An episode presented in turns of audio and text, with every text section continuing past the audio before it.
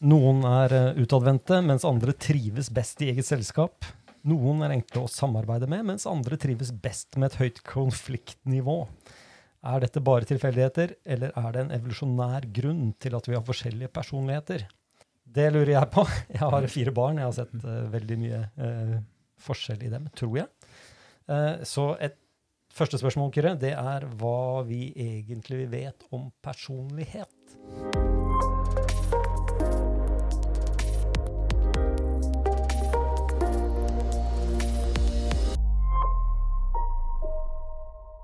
Ja, eh, det er jo et stort forskningsfelt innenfor eh, psykologien. Eh, og det er hva skal man si, mange tiår med forskning Mm. på det. Sikkert titusener av publikasjoner. Og så er det jo Det er nok en litt sånn forskjell mellom det psykologien har funnet ut, og det vanlige folk tror om både personlighet og personlighetstester. Fordi personlighetstester er veldig populært. Mm. Og jeg så han eh, Det er en eller annen fyr som har skrevet uh, sånn bok om uh, røde og grønne og gule personligheter og sånn. Han har jo Ja, solgt i ja, bøtter og spann. Rart, ja. Mm, ja. Så det er én variant, de der fargene. Mm. En annen variant er jo disse eh, Jeg vet ikke om dere har sett sånne bokstaver. sånn der, Og jeg er INTJ og sånne Ja, ting. ja, og det vet jeg. Jeg er jo en INTP. Ikke sant? Ja. Ja, mm. Og, og det er jo det er Jeg kjenner mange andre som er det. Det, er, det tror jeg er basert på noe som heter Myers-Briggs, Mm. som er en sånn eh, som er en litt sånn uh, Som går tilbake til Jung, tror jeg. Som er sånne arketyper. Um, men det disse, disse på en måte personlighetstestene der er felles, er jo at de da har et ikke-eksisterende vitenskapelig belegg. da. Ja, ok. Um, så, og, og på en måte så kan man jo skjønne det litt, fordi uh, Ja, Hva legger du i at det er et ikke- ikke-eksisterende vitenskapelig belegg her? Nei, Altså, det, det er det, kanskje det viktigste er at alle som forsker seriøst på personlighet innenfor psykologi, forholder seg til det som kalles den mm, femfaktormodellen. ja, ja, mm. Det er på en måte Det er, det er, det er liksom gull eller, eller hva skal man si? Det, veldig mye forskning har vært sentrert rundt det. ja mm. Um, og veldig, veldig lite rundt uh, Myers-Briggs eller uh, fargeskalaen, som antagelig ikke Nei, nei, har noe rot i vitenskapen i det hele tatt. Men, Men men det betyr at man tester forskjellig. Hvis man får forskjellige tester, så blir kanskje Jens en, i, en blå personlighet på én test, og så plutselig blir han lilla personlighet på en annen test, og så kanskje hvis han er i dårlig humør en dag, så er han rett og slett rød. Ja, eller, eller, eh, ja, kanskje, men, men uh, et poeng er jo liksom at det fremstiller jo um, personlighet som noe litt sånn um, skal man si, endimensjonalt, eller Ja, noe veldig mm, enkelt. ikke sant? mm. Akkurat som alle kan beskrives med bare ett ord. Mm. Rød, Mm. det, er, det er disse. Mm. Eller Men- stjernetegn. Mm, mm, Ikke sant? Stjernetegn. Ja, ja, ja. Så, så personlighet er jo mer komplisert enn det. Veldig enkel personlighetstest. Mm. eh, og, og det, sånn som man har gått, eh, gått til verks da, for å finne fram til denne femfaktormodellen, Mm. er at man egentlig bare har stilt mange, mange spørsmål om hvordan folk er. Ja. Uh, så, Mm. så det er mye, mye av det er basert på egenrapporter. Mm. Uh, og, og da er det liksom sånn Eksempel kan være sånn derre Ja, jeg liker å gå på fest, eller jeg liker å være midtpunkt på fester, eller jeg bekymrer meg mye. Ja. Og, så, og så har man egentlig bare tatt Det er på en måte en litt sånn bottom up måte å gjøre det på. Man bare tar alle spørsmålene man kan tenke på, som kunne tenkes å beskrive folk. Mm. Um, og så men ikke sant? Og, og så ser man da at, at noen av de tingene samvarierer. da. Ja. Så hvis du liker å være midtpunkt på fest, så liker du en del andre ting også. Ikke sant? Ja. Og, og da, eh, da kan man gjøre, bruke en sånn statistisk eh, operasjon som heter faktoranalyse. Og så kan man redusere da eh, disse måte, underliggende faktorene til det minste antall komponenter, kan man si. da. Ja, så, og det betyr at hvis du stiller bare det ene spørsmålet her, så vet du egentlig hva du vil svare på en hel haug andre, Ja. andre spørsmål samtidig. Ikke sant? Ja. Og, da, og da skal det jo Da skal man egentlig sitte igjen da med, uh, med faktorer som seg imellom ikke korrelerer, da, sånn i prinsippet. Mm. Eh, sånn at, eh, sånn at du, du skal du skal, Hvis du vet at noen f.eks. er høy på en av faktorene, så, så skal egentlig ikke det være informativt på om de er høye på en av de andre faktorene. Nei. Dette er jo et stort eget fagfelt som ikke jeg kan. men dette, men, det, men dette er ren matematikk. ikke sant? Du stiller tus- titusenvis av spørsmål, og så ser du hvilke, som, eh, si, hvilke svar som Hvis du svarer på den ene, så svarer du det samme på de andre spørsmålene. Og så tar du da de spørsmål som da ikke henger sammen med de. Og da sitter du igjen med fem, Da- da- fem, fem, faktorer. Da sitter du igjen med fem faktorer. Mm. Og, eh, og de faktorene eh, de har da navn på norsk, og de er da eh, åpenhet, Mm. eh, planmessighet, eh, og det, det er et litt rart ord, og det er det som på engelsk kalles conscientiousness. Ja. Altså på en måte samvittighetsfullhet, Ja, ville, ville man kanskje ja, det oversette det. et bedre ord, egentlig. Ja. Antagelig. Ja. Eh, og så uh, ekstroversjon, eller liksom ekstroversjon, introversjon, da. Mm.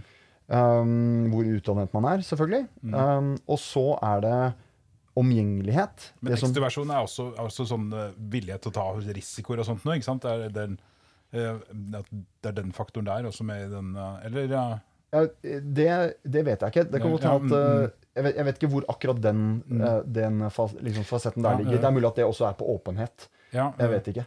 Men um, Men um, uh, Men jeg tror f.eks. dominans Mm. er, er en sånn Ekstroversjon-ting, ja. ja, ja. Mm. Men um, Og så har du Og så har du da omgjengelighet. Mm. Det som heter agreeableness på Mm. engelsk.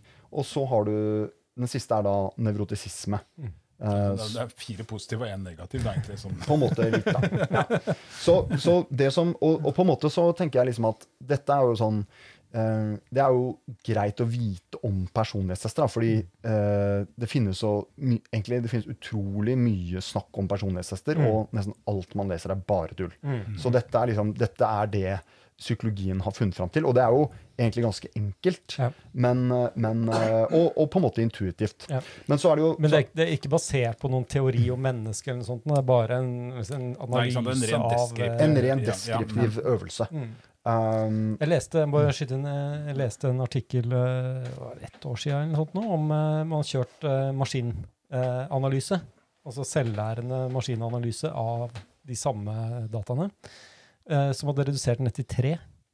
Så Ja, for dette, er, dette er en kunstig intelligens, ikke sant? ja, en kunstig intelligens som som hadde tygget gjennom Ja. de samme dataene og prøvd å se om den klarte å få færre enn fem, og den har kommet ned til tre. Men var det helt andre ord, eller var det Ja, da hadde ikke, den hadde jo ikke klart å sette ord på hva det- det, disse nei, tre det- tingene er. da, ikke sant? Så, det, er, det er tre spørsmål. Svarer du på disse svarer sånn på omtrent disse spørsmålene her, så havner du da kan du forklare mye mer da, med bare tre. Og, og så, sånn jeg tror at det der foregår, er at når de finner de faktorene, Mm. så, så, prøver, så ser de på å, ja, men hvilke spørsmål var det som der korrelerte. Ja. Og så prøver de å lage en sekkebetegnelse som beskriver de faktorene. Ja. At de ser hvilke uh, Og det vi kan kanskje komme Men, men det er veldig rart, da, ikke sant? for det kan jo plutselig være ja, du liker agurker og være festens mestpunkt, liksom. Og det, hva kaller, hva det er kaller som du er- eh, Ja, det, det som er så utrolig, utrolig kult, er sånn, det er at det øyeblikket du får en kunstig intelligens til å gjøre det der, sånn, så er det jo uten en menneskelig bias. Ikke sant? Så selv, selv når man har tusenvis av spørsmål, så man regner seg fram til disse fem personlige hovedtrekkene, Mm. så er jo dette da basert også en viss grad på forskerens intuisjon. Ja. Helt opplagt. Ja, I hvert fall på til slutt, da, når Ja, ja, ja når, man skal, når man skal navngi dette her, og så dele det inn i kategorier og, og greier. Mm. Mens når du får en kunstig intelligens som klarer å bare regne Gjør dette her helt uh, Ja, helt, helt, helt, helt uten noe som helst slags, eh, slags bias, da. Mm, mm. Så ender du opp med disse her blopp og glapp og slapp-kategoriene. Og, får, og, spørs, og de ekte personlighetstestene vil da være liker du agurk? Liker du å være midtpunkt på fest? liker du best fargen blå? Ikke sant? Ja, ok, du er kategori A. Helt sterk A-er. Eh, Ja, og det vil være, det vil være det viktige, de riktige kategoriene, ikke Mm. sant? når du endelig regner den inn. Særlig hvis du klarer å bygge en modell der også A-en får lov å stille deg spørsmål. Mm, ja. Eh, sånn at du ikke mater inn eh, på en måte forhåndsdefinerte spørsmål. Nei, Så nei. den, kan, den kan prikke inn Ser vi eh, liker, du, liker du å spise eh, agurk om kvelden? Eh, ja. Eh, og så kan finne, finne mønstre der som ikke Ser vi her frem, frem, er fremtiden for personlighetstester en AI som si, tar bilde av deg og ser hvor fort du klikker på en Facebook-annonse, og så bang, ja, du er Fremtidens, fremtidens personlighetstester blir sånn ren Monty Python-sketsj. Her ligger en banan på bordet, hva gjør han da? Ok, kategori.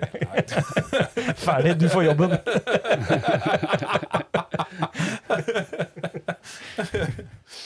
um, ellers så er jo da, bare for å runde av liksom, den der helt sånn introen på personlighetslære, så er, så er jo da et poeng her er jo at dette er stabile trekk da, fra, fra ganske ung alder Ja. og liksom gjennom livet. Og så er det, så er det, det endrer seg Det er visst noen sånne forutsigbare endringer i, uh, i personlighet over tid, men etter hvert som man blir eldre. Men i utgangspunktet er det ganske stabilt. Um, og så er det uh, sånn Dette er jo arvbart. Og bare for å minne oss selv på hva det, Hva det betyr. betyr, Eh, så det har, en, det har en arvbarhet som er sånn mellom 40 og 60 Ja, okay. Det er ganske mye, egentlig. Ja. Ganske mye. Mm. Og det, det betyr jo da at, um, at uh, den, den eh, andelen av forklart variant som kan tilskrives gener, eh, er på sånn mellom 40 og 60 da. Um, ja, så det, Men det høres jo ut som en tilfeldighet. Altså, bare tenker jeg på, på lytteren her. Altså, eh, hvis du sier at det er 50 sjanse for at det er, at det er arvbart, så kan det høres ut som at eh, eh, si Det er 50-50, da. Jeg, Er det sånn det fungerer? jeg leste boka til uh, Robert Plummin, Ja. som har forska på det her uh, med arvbarhet i 30 år. Og um, ja, han også kom fram til at eh, de fleste trekker også personlighet ligger på ca. Sånn 50 eh, arvbarhet. Og så resten skyldes da miljøet, men ikke det miljøet man skulle tro. Sånn som familie og eh, oppvekst, eh, men mer sånn uforutsigbare eh, hendelser som skjer opp gjennom livet, som vi ikke klarer å eh, Styre. styre. ja, så det er litt sånn Det er 50% gener og 50% støy. Nesten. Det er liksom det inntrykket man får litt. Ja, det var veldig overraskende å høre hvor, um, hvor lite påvirkning foreldre hadde, f.eks. Uh, annet enn de genene de gir. Og, og det bare til det du sa, Jens, så er det jo 50-50 høres jo ut som det er enten det ene eller det andre, og det er det jo selvfølgelig ikke. Så det er jo, dette er jo mer et statistisk mål på hvor informativt det er å, å vite noe om det genetiske opphavet versus miljøet, når man skal forklare hvordan eh, et trekk f.eks. varierer i en befolkning. Da. Ja, ikke sant? 50% er egentlig veldig mye. 50 er mye. Mm. Um, men ba, jeg tenkte bare for å gi noen eksempler på de der um, Altså, liksom, tenk på det der med um, disse forskjellige faktorene. Og, og det, en av dem er jo Vi snakket om planmessighet. Det er en litt sånn rar eh, faktor. Så på, på vei opp hit så tenkte jeg på et eksempel på det. og eh, La oss si for eksempel at man har en, en venn da, hvor man, som man har avtalt å spille inn en podkast sammen med. Um, og så har man kanskje avtalt liksom, klokka seks Tilfeldig. for eksempel. Da. Og så hvis han da flytter tidspunktet til sju først, og så kanskje åtte, og så blir det ni. Og da kan man si, sånn, er, er det, Høres det ut som høy planmessighet eller lav planmessighet? Eh, så- Ja, for jeg et, tok akkurat det personlige stedet. Eh, Heldigvis er det ingen andre av vennene mine som kommer til å reagere på det der, sånn, eller tenke seg, eller kjenne seg igjen i den beskrivelsen der. Sånn, så, men men det, det lurer jeg på. Det, det, det høres jo nesten ut som det problemet med den uh, norske oversettelsen. fordi henger ikke det mer med Altså, hvis om det så blir klokka ni, at man allikevel gjennomfører og, og vil gjennomføre og prøver å få det til, at det er der personligheten ligger? Eller er det Det er, ikke, det er ikke at du møter opp klokka ja, men det er kanskje inni i underkategoriene. Dette er inn i underkategoriene av personlighetene. Ja. jeg, jeg tror det kalles fasetter. Ja. Uh, og, og der har du jo da på, på conscientiousness så har du da noen underfasetter. Og på en av disse mest utbredte testene så er det da på engelsk da uh, competence, eh, order, dutifulness, achievement, striving, self-discipline og deliberation. Ja. Oi, det var mange. Uh, så, så for eksempel kan man si kanskje order er jo da uh, potensielt en Det er innom her muligens. Jeg er ingen, her dømmes uh. Så man kan ha høy dutifulness og gjennomføre ting, selv om man kanskje ikke har så høy order. Da. Det er jo ja. Mm, ja. Positivt. Mm, ja. Eh, Så det er, uh, det er uh, disse fem, ja. Som kanskje er tre, Mm. ifølge AI-en. ja mm. Eh, men det, du nevnte den der 1TP-saken. Den er også litt interessant, fordi det jo en, man går jo en sånn mm, felle her. Lett. Jeg tok jo den. Altså, mange kjenner som har tatt den, og som blir veldig gira av den. Fordi du leser Du tar gjerne en test på nett, og så får du en sånn score, og så går du inn og så leser du resultatet ditt, og så kjenner du deg veldig godt igjen.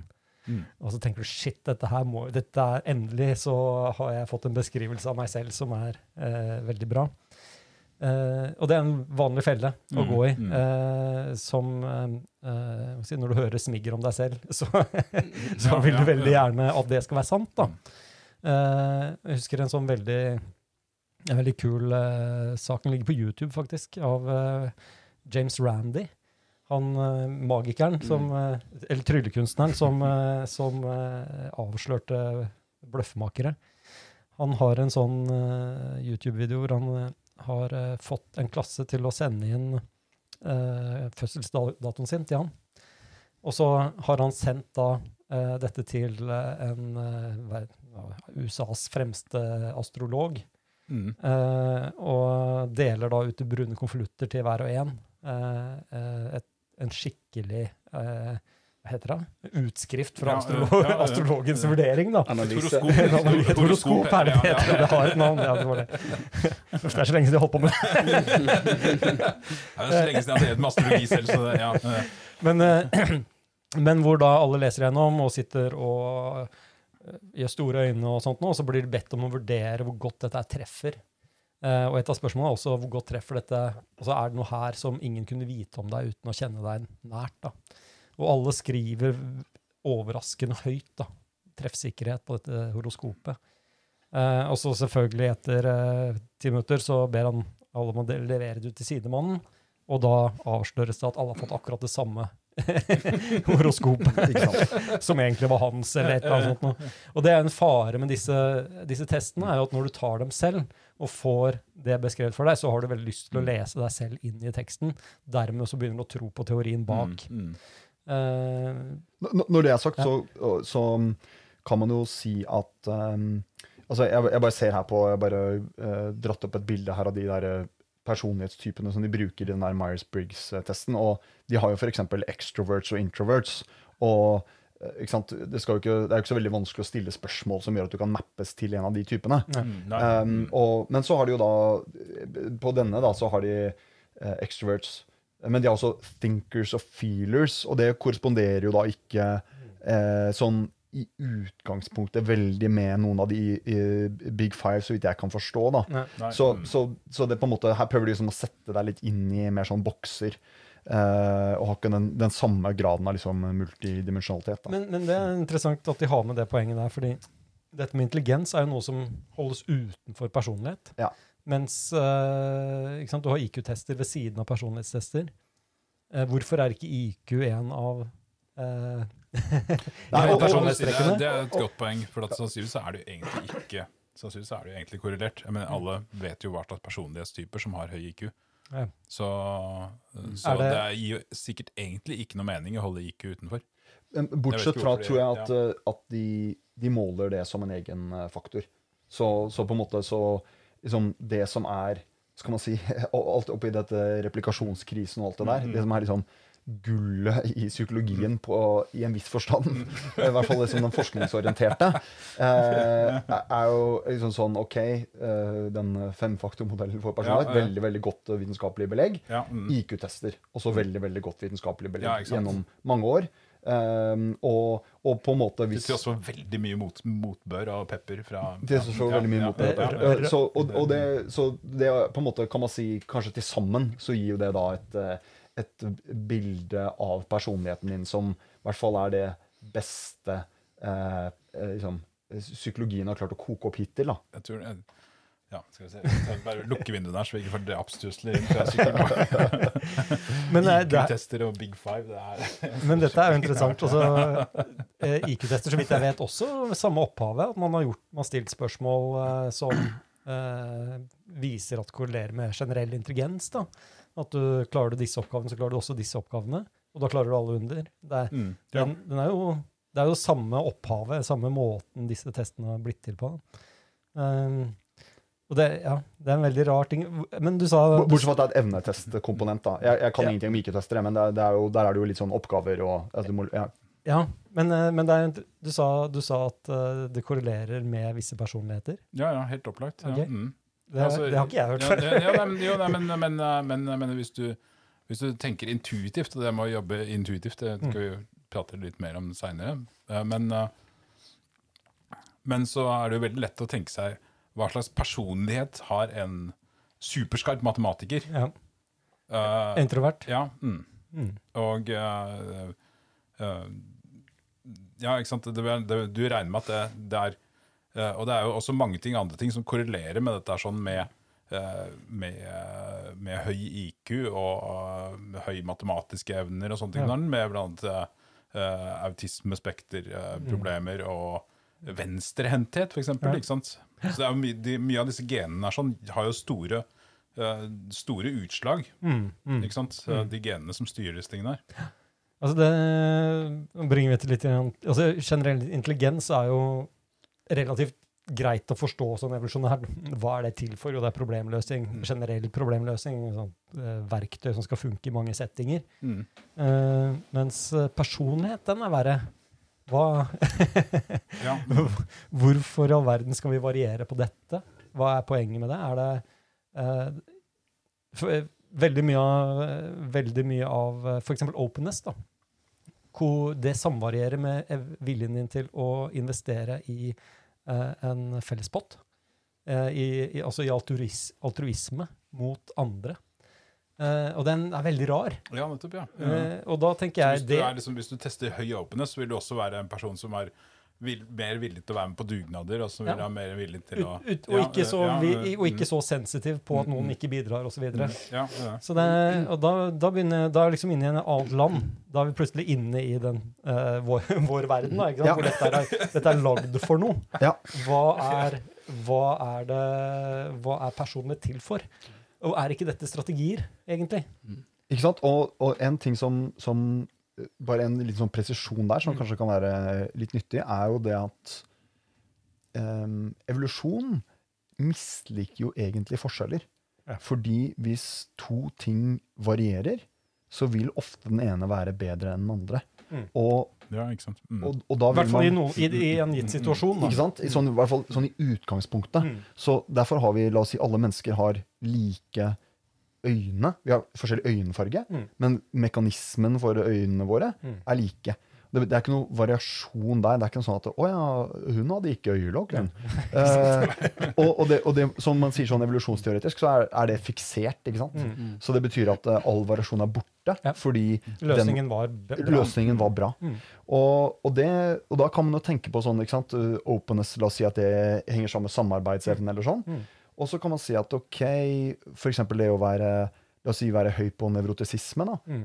Uh, hvor, vi, hvis det er negativt, det- ja. hvorfor er det fortsatt en, en ting? Mm. Hvorfor er ikke alle lave på nevrotisisme? Mm. Og, da, og, det, og bare sånn, som en sånn evolusjonær problemstilling, så er det da litt interessant, fordi når Og da finnes det jo en del sånne kjente mekanismer for hvorfor variasjon opprettholdes. Mm. Um, men, men og, og det er jo litt dit du er på vei. At, Ja, ja. eh, Ikke sant? Hvor, hvorfor har vi variasjon i personlighet? Ja. Ja, ikke sant? For at, for at hvis du okay, hvis du tar eh, en gepard med korte ben kontra en gepard med lange ben, så er det helt opplagt at den geparden med korte ben vil få færre avkom, hvis i det hele tatt, enn den med lange ben. Uh, sånn i hvert fall hvis du har Nettopp. Ja, mm. Og Det er vel da du skal vel innom eh, game theory. Ja, det er det jeg lurer på. fordi altså, vi kjenner jo disse Én grunn til variasjon da, er jo eh, For å ta et eksempel er jo, er jo det vi kaller frekvensavhengig seleksjon. Mm. Uh, hvor, eh, Der er vi. hvor, uh, uh, hvor det som lønner seg å være, det er avhengig av forekomsten av det. Mm. Så, så hvis det er sånn at uh, alle andre er på en viss type, så plutselig er, lønner det seg å være noe annet. Eh, og et, et, det finnes jo massevis av eksempler på det, men et eksempel er eh, disse her eh, gammahannene blant fisk, som ser ut som hunder. Dette er et kult eksempel. Ja, men, ja, mm. Hvor det er, ikke sant, mennene slåss uh, om tilgang på damene, uh, og blir større og større og større. Eh, Og til slutt så blir de så store at eh, det, det er rom for eh, noen hanner som er bitte, bitte små. Ja, ikke sant? For at hvis du skal, hvis du skal pare deg og få avkom og få genene dine videre, så er du nødt til å være stor og sterk og Yes. kunne jage vekk de andre hannene fysisk. Nemlig. Sånn at du kan pare deg med de hundene som henger igjen der og ser på deg med store øyne. Ja. Og så plutselig begynner det å lønne seg noe voldsomt å være en som ikke er med på den slåsskampen, og bare bygger en bitte liten kropp som er mye raskere, og, og bare smetter inn mens de andre store gutta står og slåss. Smetter inn, befrukter eggene, og er borte før de skjønner hva som har skjedd. Så når det, er, når det er blitt mange nok store og sterke hanner, mm. så blir det plutselig evolusjonært fornuftig å Å være små. liten. Ja. Og Og så naturen selekterer for det til du kommer til et visst punkt. nemlig. Ja. Og så blir det plutselig mange av de, Ja. og da er det en kjempeåpning for å være en stor hann igjen. Og dette vil jo da hele tiden fluktuere. ikke sant? Ja, ikke sant? Eller, Eller, eller og altså, det, det øyeblikket det blir for mange av disse små kjappisene da, som kommer inn og sprøyter melka over eggene før du rekker å gjøre noe, så, Uh, så uh, Det er en så- kjempefordel ja, å være litt litt Ja, jage dem. Da blir det mye viktigere dem. for de store hannene å være oppmerksom på dem. ikke sant? Ja. Og da Da får de bank, de ja. små.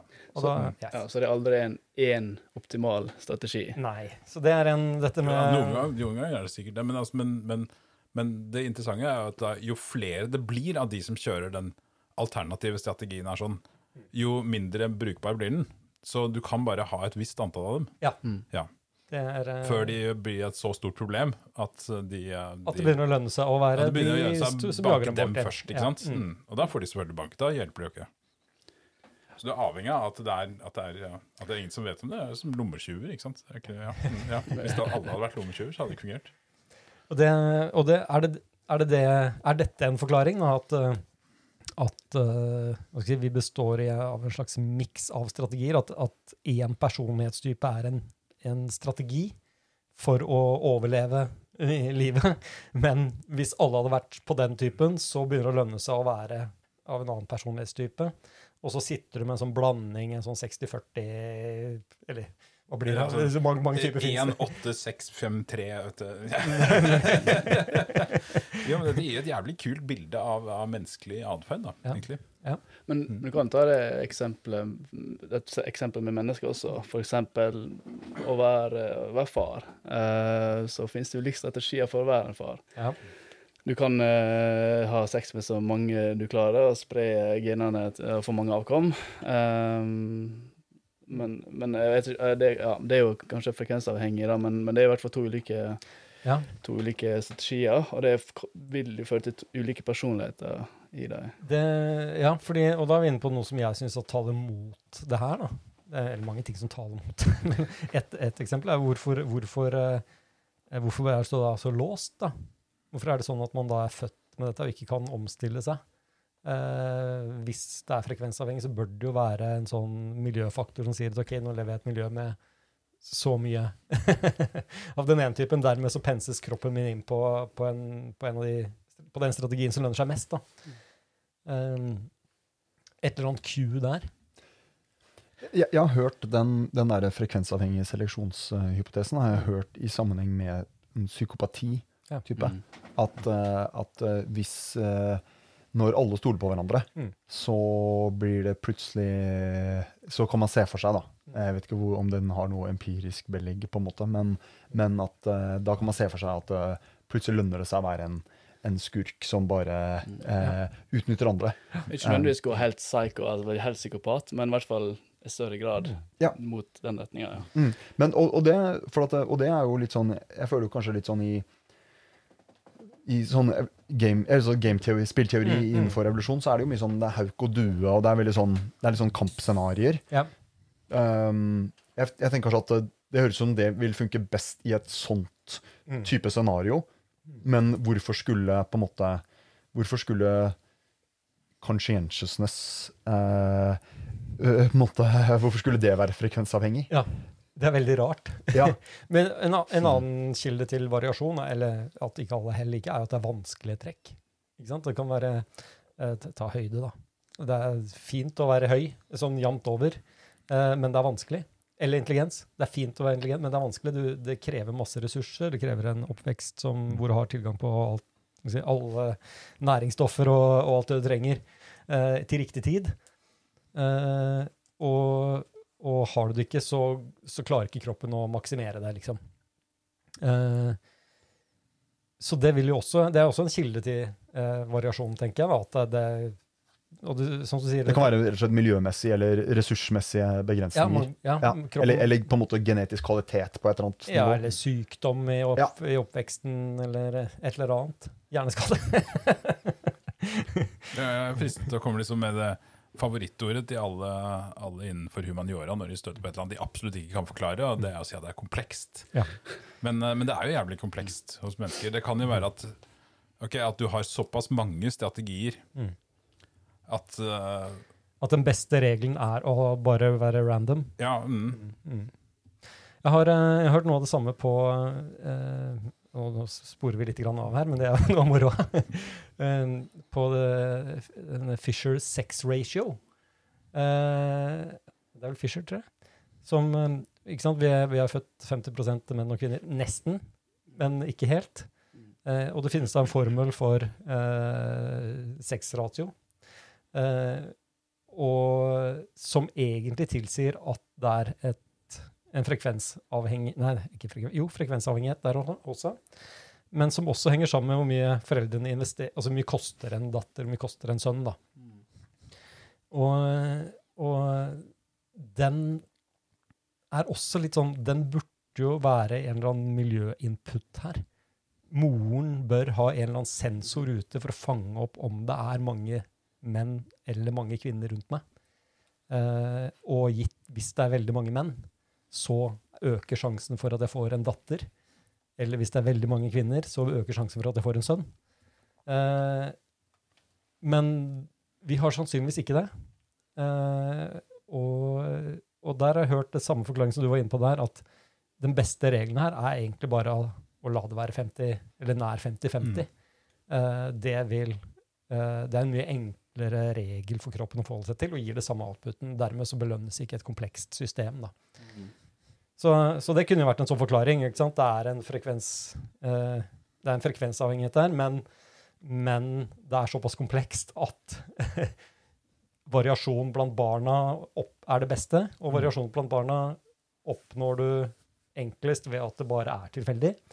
Og variasjon. Og, og det belønnes over et komplekst, men rikt smartere system, fordi det komplekse systemet vil være veldig dyrt. Men det er jo noen kjempegevinst. Ja, og, og det kan du si, da, men, men eh, kjønn er jo ikke arvbart. Eh, ikke sant? Eh, men personlighet er jo det. Så, så det, er ikke, det er ikke noe tilfeldighet, det er ikke noe randomisering av personlighet hos barna. De arver, de arver foreldrenes eh, personlighet med, med nokså stor eh, grad av eh, sannsynlighet. Da. Ja. Um, så, og, og, men, og jeg bare tenkte på det du sa, fordi det du sa om disse te, altså det at en, en, ved å bruke en, en sånn uh, maskinlæringsalgoritme, så klarte man å, uh, å kverne ned til tre faktorer. Ja. Um, hvor, jeg, hvor jeg leste et, uh, et paper der de snakket om de, de fem faktorene man finner i Vesten, Mm. finner man ikke nødvendigvis på tvers av alle kulturer. Det var et, eh, det var et eksempel fra en sånn en boliviansk indianerstamme, Mm. der de med de samme testene bare klarte å finne to faktorer. Dette er interessant. Dette er veldig interessant. Fordi Og- at, eh, ja, ja, ja, mm, Og- og- si ferdig først, så skal jeg si noe kontroversielt. Ja, og, det er bare for å komme med en liten sånn der, bitte liten sånn der Mm, mm, infoblokk der også, så, så har du jo det der med Det er et sånt tema innenfor eh, eh, psykologien at, uh, at ting er weird, såkalt. Uh, og det er et et akronym som står for eh, at man er liksom vestlig utdannet, industrialisert, rikt eh, og demokratisk. Eh, ikke sant? Mm. Og, så, og det er jo veldig sånn pragmatisk grunn til det, fordi forskere jobber på universiteter i Vesten. Eh, enklest tilgjengelige forsøkspopulasjonen, eller for, populasjonen av, forsøkspersoner, er Ja, vi har studentene. diskutert flere sånne studier. Ja, for eksempel, gå på nattklubb. Da, så, ja. Ikke sant? Og, mm. og, og ergo så, så, er de, så er jo da spørsmålet hvor, hvor mye generaliserer dette utover vestlige undergraduates. Da. Ja. Ofte er det jo nesten bare amerikanske undergraduates. Ja. Så det er jo en ekstremt altså Amerikanske psykologi-undergraduates er jo studert i Yale. I den byen, Eh, liksom. I, i, i noen byer i USA. Mens, eh, mens, eh, mens? Men så er det plutselig da i en indianerstamme i, i Bolivia. Og, og da, her vil jeg si at liksom, evolusjonspsykologien egentlig kommer ganske bra ut av det, fordi her har man opp, fra, dette fagets begynnelse har man vært opptatt av krysskulturell variasjon. ja. Fordi det har vært en måte å prøve å kontrollere for kultur. Ja. Men uh, det er jo et, uh, likevel et, hva skal man si, et stort etterslep da, på, innenfor, innenfor det som er mye sånn etablert psykologiteori, på, på ok, har man, har man validert godt nok at dette er faktisk universelle eh, størrelser. da. Ja. Og, og, og jeg, jeg vet ikke hvor godt eh, dette, dette ene funnet eh, fungerer, men, eller, eller hvor godt fundert det er. Men, men det var to ting jeg bet meg merke i den artikkelen der. og det, var, det ene var det at eh, det var disse to personlighets, altså disse to faktorene hos dette Tsimane-folket, eller hva de heter. Eh, og også mente de at denne em, korrelasjonen mellom faktorene varierte ganske mye fra kultur til kultur. Ja. Med andre ord at uh, hvor separate disse faktorene egentlig er sånn statistisk sett, varierte ganske mye. Um, og, og dermed så, så, så, så setter jo det et, en liten skygge da, over hvor liksom, universell disse fem faktorene er. Og så er det jo da interessant, eh, og det er, da er vi over litt sånn kontroversielt territorium, men, men der ser man jo, man kan jo Det er jo tross alt en, en Hva skal man si? Fra, fra 50 000 til noen tusen år som skiller eh, folk på forskjellige kontinenter. Og Ja, da kan det se for seg at det er seleksjon Ja, ja. også på personlighet, og at det har, eh, at det har satt noen spor. Da. Ja, for at, for at eh, altså eh, Vi har jo gjennomgått i Europa Vi er jo en del av, liksom, av, den, av jordbruksekspansjonen som startet for 1300, 13 000 år siden i, i, i Midtøsten. Og, og, så vår kultur er jo, er jo en uh, Vår populasjon da, har ekspandert enormt. Vi har en sinnssyk populasjonsøkning, og det som skjer da, er at du, får, du åpner for et større grad av mutasjoner, og uh, du har også svakere seleksjon. Uh, altså sånn I, i evolusjonære termer da, så vil Hvis du er eh, i, en, i en urbefolkning, eh, så vil du være eh, er det en større del av, av befolkningen som dør i hver generasjon. Og, disse, og dødsårsakene vil da være sykdommer og ulykker og, og ting som, eh, som til en stor grad korrelerer med miljøet du befinner deg i. Så befolkningen utsettes hele tiden for seleksjon. Du holdes friskere da, egentlig av evolusjonen, eh, fordi, at, uh, fordi at eh, svakere individer ikke klarer å overleve i den situasjonen. Det er et hardere oppvekstmiljø. Mens uh, i, en, i en ekstremt raskt ekspanderende populasjon, sånn som vi kommer fra, så vil du ha et mye større spekter av gener som overlever, og vi har, vi har hatt en mye raskere miljøutvikling. En mye, hatt eh, raskt forandrende miljøer som folk er bare nødt til å klore seg fast i. Og det er ting som fungerer i én generasjon, trenger ikke nødvendigvis fungere i det hele tatt neste generasjon. Og eh, så, så det kan jo være rett og slett at det, dette er, et reelt, er, er reelt. At eh, personlighet på samme måte som, uh, som uh, det, det, Dette er, det er et, et veldig tacky tema, da. Men, men at vi har et større På eller samme- touchy? Ja, touchy. Ja, begge deler. ja. Men, men, men poenget... vi er på samme måte som at vi har et større spekter av, av, eh, av sykdommer og skrøpelighet, så vil vi også ha et større spekter av personlighet. Ja, I hvert fall sånn at denne modellen for eh, personlighet som vi bruker, som heter Big Five, eller, og, og som testes gjennom den NeoPie 3-testen, den har jeg vært med på å teste flere noen ganger, eh, er kanskje et vestlig fenomen, bare funker i, funker i Vesten. Er det, er det det vi, er det det vi sier? Nei, nei, nei, altså, nei, jeg sier ikke at det nødvendigvis er sånn, men at, men at det, er en, det, er et, det er et scenario som kanskje eh, kunne forklart det. Jeg vet ikke om det, er, ja, om det stemmer eller ikke. Nei, og det vet ikke jeg heller. det, var, det var egentlig bare Hva skal man si, Den, den artikkelen jeg leste, der var, var egentlig bare poenget at uh, man har for lite samples Mm. som ikke er Ja. såkalt weird. Mm. uh, og, og at uh, man trenger liksom å validere Mm. eh, bedre. Ja. Og så, så kan man jo Altså, det, det er jo mange Ja. Bare for å ta den, altså grunnen ta dette poenget her med weird og, og human universals, da, for det, det er jo en typisk ting med evolusjonspsykologien, at man prøver å finne Som regel da, så ser man på et, en evolusjonær problemstilling som er, i hvert fall i utgangspunktet, relativt vanlig, eh, og tenkt menneskelig universelt. da. Uh, og med den innstillingen så leter man etter tilpasninger til det, og med den innstillingen så finner man da som regel uh, såkalte human universals, og, og bare det å vise at det er ikke variasjon på tvers av kultur, er jo på en måte et tegn på at man er på sporet av noe som er, si, stikker dypere i oss da, enn enn kultur. Så, så derfor vårt fagfelt i større grad kanskje eh, ikke er så sårbart for eh, weird eh, eh, biasen. da. Ja, ja. Mm. Mm. Mm. Ja, og, og det har alltid vært på en måte prestisje knyttet til å, å stille spørsmålet Ja, men hva med artsfolket? Ja? Eh, det, det, det har ikke vært en ettertanke. Nei. Det har vært helt sånn fra start. så Ja. har det vært eh, Ja, Noe av poenget Ja, har vært å vise at de er også like på samme Ja. måten. Ja. Mm. Ja, Det er altså, veldig- veldig- ikke sant, det, det skyter en ting. Kyrre, det, det, det, er, eh, jeg tenker hvis, hvis man gjør en personlighetstestrunde på, på en urbefolkning, og du har jeg vet ikke hvor mange respondenter du har på en sånn undersøkelse, men sikkert ikke så veldig mange, så vil du jo også da fange opp liksom det som er dominante trekkene i, eh, i befolkningen. Og, og det kan jo godt være at du egentlig har hele spekteret av personlighetstyper som du ville funnet på en, på en VERD-undersøkelse også. Bare at, du, eh, bare at det er, de er mye mindre, det har mye lavere frekvens Ja. i den befolkningen der enn du har i en VERD-gruppe.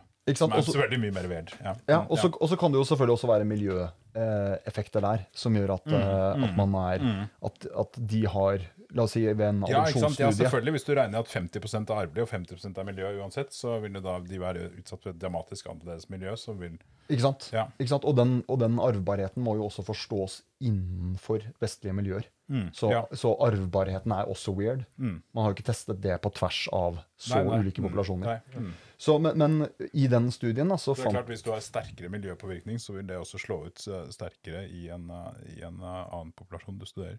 Og du ikke får så høy arvbarhet. Ikke sant? Så, eh, men de, de to faktorene for, å forklare akkurat det der, synes hvis,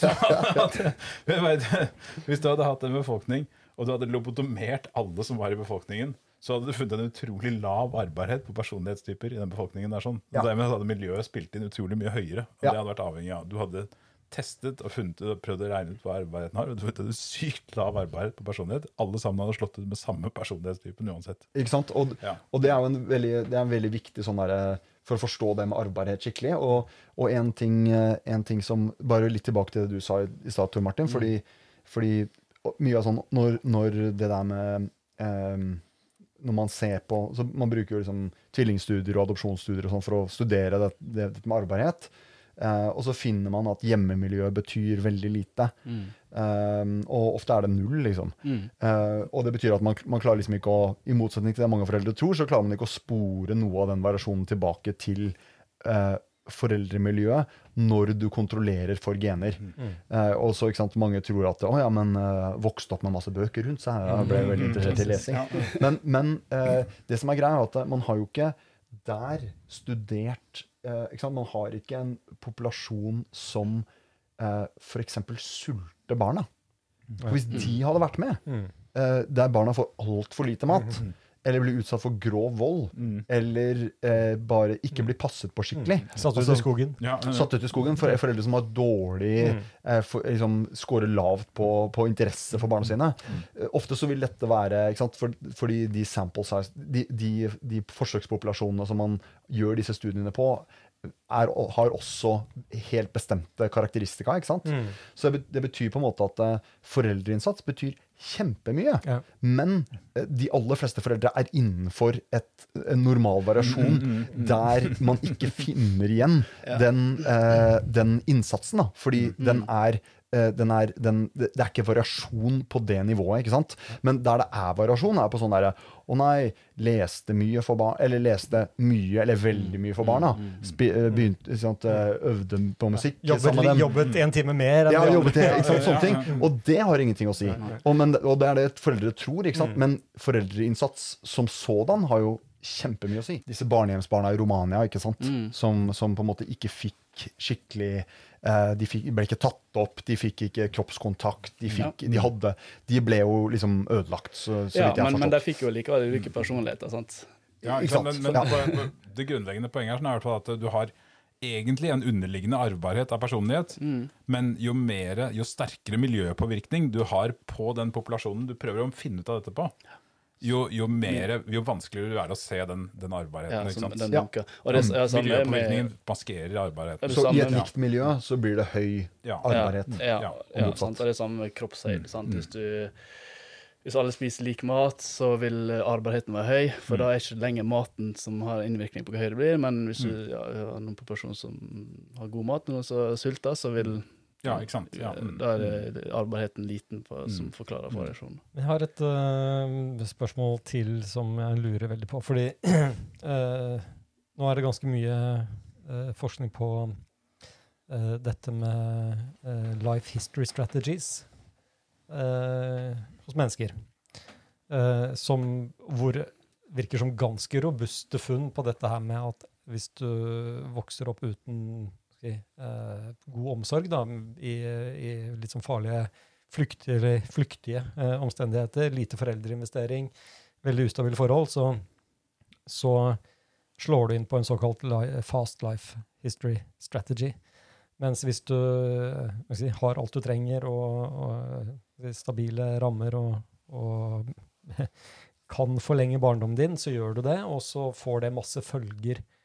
Eh, jo, så får, slår du inn på et eh, slow life history strategy. Eh, og disse to hovedsporene har masse å si for hvordan du oppfører deg mange, i mange dimensjoner. Eh, eh, hvis du lever fast, så slår du deg egentlig inn på et eh, kortlevet liv hvor du brenner lyset litt i begge ender, og du har, du har sex tidligere, du eh, si, overvurderer eh, eh, gevinsten av å ha noe nå kontra en større verdi senere. Du tar mye mer risiko. eh, du kommer i puberteten tidligere. Flere sexpartnere. Masse sånne ting som jeg ville tro har mye med eh, personlighet å gjøre. I hvert fall blir oppfattet som å ha noe mye med personlighet å gjøre.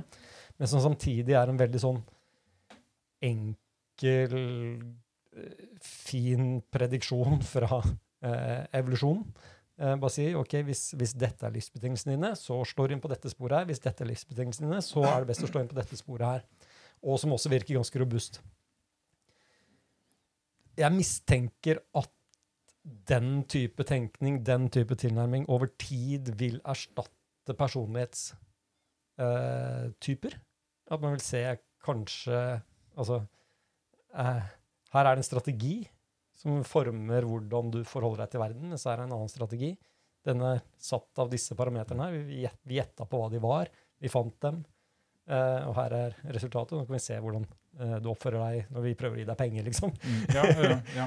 Eh, ja, du tenker at, at, at uh, istedenfor å ha de, den personlighetstypen big five du, du kommer ut med, så har du en funksjonell forklaring på den Ja, den jeg syns i hvert fall det her er et sånn spor. Jeg, synes det er, jeg, vet ikke om noen har sett på det, om man kan se livshistoriestrategi kontra Big Five. Det hadde vært kjempeinteressant. Er det et cluster av personligheter på uh, fast-sporet, og et cluster av uh, helt andre personligheter på, på slow-sporet? Så vil jeg, jeg, vil, jeg vil tippe det er sånn. Jeg husker Robert Robin sa det i boken Blueprint, at uh, over tid uh, så vil du alltid bounce tilbake til uh, den trajection som genene har gitt deg. Ja. Uh, at du kan bli pusha hit og dit, men vil du ikke ha den ytre påvirkningen, så Ja, kanskje det er, eh, ja, nemlig. Så kanskje det er sånn du får løvetannbarn. At du har, Ja, men sant? Du har, jeg, lurer på, ja, hvis, du, hvis du får sånn barn der altså, som ikke har en far, eller har dårlig oppvekst, og så får du den der strategien der, uh, fast uh, Ja. Så kan det være fordi at den strategien ble gitt til deg av, av, de av faren som ikke var der. var sånn, sant? Mm. Eh, så det var viktig i hvert fall å, å kunne skille det da, for å liksom Ja. kreditere hva er det som egentlig er. Ja, det blir, det blir viktig, den der. Men jeg, jeg tror det er mye Jeg tror dette er spennende forskning å følge med på Ja, ja. Ja, jeg var promiskuøs, og eh, i hvert fall alkohol er jo Ja. veldig genetisk eh, hvor eh, påvirkelig du er av alkohol. Så Mm. man kan jo si at jeg har vokst opp med en forferdelig familie så med mas- masse alkohol, og derfor Så- endra personligheten min til å bli sånn Ja, Mm. kanskje, kanskje ikke. Mm, mm, nemlig, nemlig. OK. eh, og det- da inn på enda et tema. Er det forskjell mellom kjønn?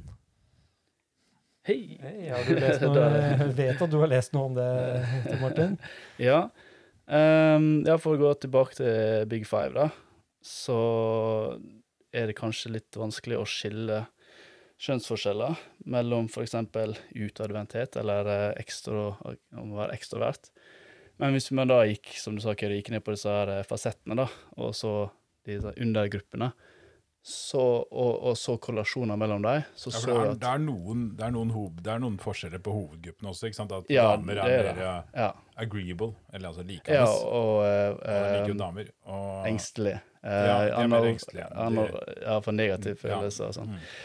Uh, men sånn som underliggende kategori av ekstrovert er å Der eksempel menn er mer ekstrovert, det er jo på der de er mer påståelige og selvsikre, som Mm. er liksom underkategori av det. Og kvinner er mer sosiale og vennlige, som også er en underkategori av det samme. Mm. Så Ja. hvis du bare ser på den overkategorien, så vil de utligne hverandre. Og så ser det som jeg har ingen kjønnsforskjell. Så man må gå liksom under da, og dykke inn. Og så tar man alle disse underkategoriene, kombinerer dem, og så ser på korrelasjoner. Da ser du at det er en veldig, faktisk er veldig for stor kjønnsforskjell eh, mellom menn og kvinner. Det, det er interessant, fordi da er vi tilbake igjen i det vi starta med her, at disse kategoriene er jo bare satt eh, av mennesker på toppen. Og det å si at begge de to der havner i samme kategori, når det egentlig kanskje ligger en strategiforskjell under, da, hvis du ser det er akkurat det, ja, litt mer finkorna, ja, mm. så er det kanskje to grupper her som, eh, som si, bruker eh, dette trekket på forskjellig måte. Og så har vi bare samla det i én felles eh, kategori på toppen, fordi hei, Mm. Ja, ikke Makes sense, Ja, liksom. mm, mm. Ja, Hvis man skulle sett på skjønn, så burde man kanskje ikke hatt de fem kategoriene Nei. nødvendigvis. Det Um, hadde vært interessant å gjøre hele øvelsen en gang til med disse spørsmålene. Mm. Én for kvinner og én for menn. Da. Ja, for, at, ikke mm. sant, for det, det er eh, ikke sant, det, Du sier, du Martin, er jo at eh, eh, når man ser på individuelle, de individuelle målene, individuelle svarene på spørsmålene, så er det ikke så innmari stor forskjell på menn og damer. Det er, en- Mm. det er en del forskjell, men, men, eh, men det er lett å liksom å tenke at det ikke er så mye, da. ja, man må Men- se på det ja. som en helhet. Ja, ikke sant? Når Ja. du ser på det som en helhet, og altså sånn intuitivt, så merker man jo veldig stor forskjell på menn og damer i, i, i hverdagen. Det er sikkert noen som vil si at man ikke gjør det, men Er du en sånn intuitiv fyr? ja, jeg, jeg er veldig intuitiv. men, jeg mener- men, Ja, men også sånn som det der med gaydar, ikke sant? Sånn, sånn der, som også er en sånn veldig sånn intuitiv ting som du ikke kan Men man kan liksom peke på en ting. Bare, å, det er sånn typisk kvinne. Men Mm. så vil alle andre si ja, men jeg også er sånn som en mann. Så det er liksom, ja, det, du vil ha trekk som er mm, on average gjennomsnittet mer kvinnelige, men som menn kan ha. Altså, ja, ja, jeg kan ha både, bo, veldig ja, mm. maskuline og veldig feminine mm. trekk.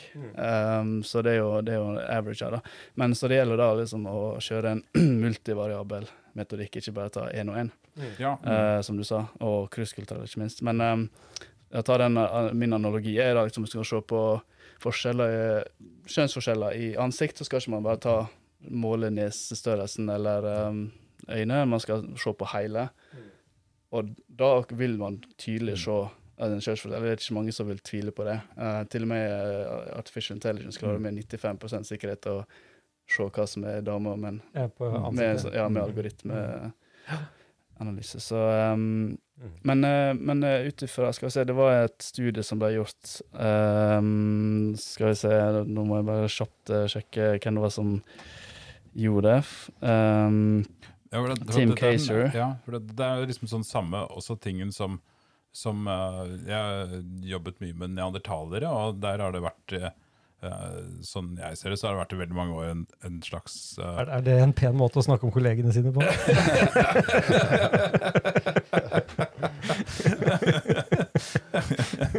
Nei, jeg, jeg har kanskje jobbet med dem, jeg, jeg, har- jeg, har- studert dem. da ja, mm, Det er kanskje enda verre. Men, ja, mm, men, uh, men, uh, men det har det vært i, veldig lang tid, altså siden, uh, siden krigen omtrent, så har folk, forskere vært veldig opptatt av, av å validere neandertalerne som ordentlige mennesker, og prøve liksom å kjempe mot rasisme da, mot neandertalere. og Det har vært et veldig stort mål i forskningen.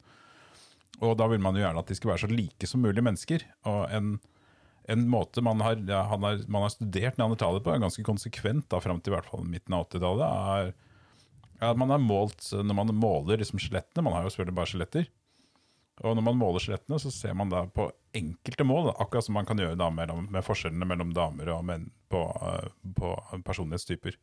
Man ser på enkelte mål, og så ser man at ja, ok, jeg, ja, eh, bredden på hodeskallen er jo ikke så veldig forskjellig fra mennesker, og ok, du kan og hvis man sammenligner da med eh, noe osteologisk materiale som er samlet i en eller annen eh, Mm. kolonifyr i Afrika et sted, og sier at ja, i forhold til den stammen der sånn, så er jo egentlig ikke uh, hodene på lårknoklene så store, og det er men, eh, men og dermed så kan du på en måte da faktisk da for, all, all variasjonen forsvinner da på en måte. ikke sant? Du, de blir jo helt identiske mennesker, for at du sier at alle trekkene er innenfor menneskelig versjon. og det er nesten alle trekkene. Mm, mm. Hvis du måler de riktige Ja, ikke sant? Men, eh, men hvis du da tar multivariatanalysen da, og ser på sammenhengen mellom de forskjellige trekkene, Mm. så er det plutselig noen som gjør det på hodeskallen, og så finner de ut at forskjellene mellom neandertalere og mennesker er ikke bare så store at de burde være i egne arter, men de er så store at de burde være i egne slekter også. Mm. De burde ikke være innenfor slekten homo i det hele tatt. Mm. Og det er jo sjokkerende, ikke sant? etter at du har hatt liksom da 40 år med forskning hvor disse forskjellene har fullstendig usynlige. Mm. Så det er, veldig, det er en veldig stor metodologisk forskjell på å se på helheten og se på enkelttrekk. Mm, mm. Ja. Og hvis du velger å se på enkelttrekk, så kan du magisk trylle vekk utrolig mye forskjeller. Mye variasjon, ja. Ja, Mm. ja. Mens, mens våre intuisjoner fort knytter seg til helhet. ja, det er akkurat det, ikke sant? Så derfor du får en sånn kontraintuitiv Du får en besserwisser-forsker som kommer og sier at nei, men ja, vi har målt dette, sånn, og vi ser jo ingen forskjell. Og det er riktig, Hvis du men det er fordi det du vi bruker en bevisst feil metode, da, kanskje. Eller Hva var det den studien du Ja. det var av uh, Tim Kayser. Et al. um, som så på der, eh, disse fasettene og la de sammen. Og så viste det seg da at når de plukka en random person ut og, eh, og, og da kunne de med, med 85 sikkerhet um, vite hvilket kjønn det var ut ifra den globale personality profile, som jeg kalte det. Det er jo ganske sinnssykt. Det er ganske stort. stort. Og det, det, ja. Ja. Jeg vil bare sette ord på det her, Ja. for det betyr at hvis du tar en personlighetstest, en, eh, en svar på det, en, fra, ut fra en bunke, mm. leser de svarene, så kan du med 85% sannsynlighet si om det er en kvinne eller mann Mm. som har skrevet det svaret. ja, det betyr altså det er bare 15% av bunken som er så atypisk Mm. at, du ikke kan, at de ikke sorterer innenfor en klar mann- eller damekategori Ja. på, Ja. på, på personlighet. Ja. Altså på en ekskluderende mann- og damekategori. Ja, det, det Vi kan kalle det, Det det dagens brannfakkel. Her. Og, det, og, det er jo ikke intuitivt. På, det er jo ikke det. Nei, det er ikke Nei. Eller kanskje det er det. Jeg vet ikke. Altså, det, det, er i hvert fall, det er veldig fordomsfullt, i hvert fall. Ja. Eh, det, er, det, det, det, er jo, dette er jo ganske spesielt. Da, ikke sant? Du, har, du har en test som er lagd for å fungere på begge kjønnene, hvor man ikke har gjort forskjell på kjønnene. Og så har man eh, bygd den over tid, og så eh, har noen prøvd å se om man kan se kjønnsforskjeller, og klare å finne det med 85 sanns- sannsynlighet. Mm. Eller, eller det er mer enn det. Du, du, eh, sjansen for at du klarer å identifisere kjønnet basert på hva folk har svart, er 85% Det er Mm. ganske vilt. Men dette er jo igjen weird, da. Altså, det er jo ikke, det er jo ikke Ja, vil- men, ja, på den ene studiet var det, men den andre, når jeg gikk enda mer spesifikt inn på sånne ja. veldig sånn kjønnsspesifikt trekk, så eh, nå, nå står ikke hvilket land det var, men det var i hvert fall eh, Ja, er en halv million Ja. folk eh, blant 50 land. Ja, såpass. Eh, Så det er en omfattende studie. Og det- det Pakistan, var- blant annet. Ja, ok. Ja, Ja, nett- okay sant. mer, ja. Og, og det morsomme der er at eh, man ser eh, man, Der er no, noen sånne eh, kulturelle forskjeller. Mm. Eh, men, men eh, desto mer eh, egalitært eller likestilt landet er, som Norge og Skandinavia, Mm. så var forskjellene enda større. Kjønnsforskjellene. Sånn som Norge og Sverige var faktisk det var brannfakkel nummer Ja, to, ja, ja. så vi har en Ja, bekreftelse det på denne. Mange brannfakler her i kveld, ja. ja. Men det er så kjekt, vet du. Ja, så det Og, og, det er jo et generelt mønster, det du snakker om der. Ja. At, eh, at jo, jo mer kjønnsegalitært samfunnet er, jo større kjønnsforskjeller kommer ofte til Mm. uttrykk. mm. Eh, det har man jo sett i noen andre Fint domener også. Fint vi kan piske litt på. Ja. Mm, ja. Mm. Uh, ja, det, det har vært en sånn debatt om det der med eh, karrierevalg. Uh, der vi gikk fram og tilbake. Ok, Er det faktisk mer kjønnsdelt jobbmarked i, i Norge i forhold til andre land? Og så uh, Senter for Hva det heter Kjønns... Å, herlighet. Kjønns... forskning. Senter for kjønnsforskning. Mm. Eh, jeg husker da jeg gjorde, jeg skrev en rapport og jeg gjorde en undersøkelse på det. Og så sa, jeg, tok de et eksempel blant annet om at, det at nå er det men, både like mange menn og kvinner som er leger, eksempel, som var mer mannsdominert før. Jeg så prestasjonen der. da. Det var litt artig, for jeg så en sånn slide. Så, for det er jo én variabel, det er bare én jobb. Mm. Og så gikk det inn OK, hvilken jobb? Og så så du stikker inn, da, så tydelig kjønnsforskjell. Med, de er sånn, der de jobber med mennesker, og der de jobber med sånn kirurgi og litt sånn mer Ja, ja. ting. Og da, og ser du den tydelige kjønnsforskjellen. Ja. Og da sa de at eh, ja, nei, det kan ikke forklare, så la vi bare ligge. Sier, sier du at det ikke er like mange kvinnelige patologer? Ja, jeg på det. Jeg skal bare legge den der, så gå sakte tilbake. Ja, vi, vi snakker ikke om det i dag. um, Jeg kjenner to kvinner. Men det er jo et eksempel på at du skal ikke ta bare Ja, én variabel, du skal se Ja. på du må se på, Se litt se på detaljene. Ja. OK. Uh, har vi nok brannfakler for i dag? Eller er det, noen, er det noen som brenner inne med noen brannfakler? Uh, jeg kan eh, Jeg har jeg skrev opp en sånn uh, ramsa opp en del sånne der, fasetter der Ja. hvor menn er Ja, mest mm, ja, mm. Uh, ja, um, Det som faller mer inn for det mannlige kjønn og kvinnelige. Skal jeg si, Menn er mer dominante, påståelig, risktagende, spenningssøkende, emosjonelt stabile, eh, praktisk orientert, selvsikker. De Det danner hierarkiske kollasjoner uten behov for å investere i følelser. Mm.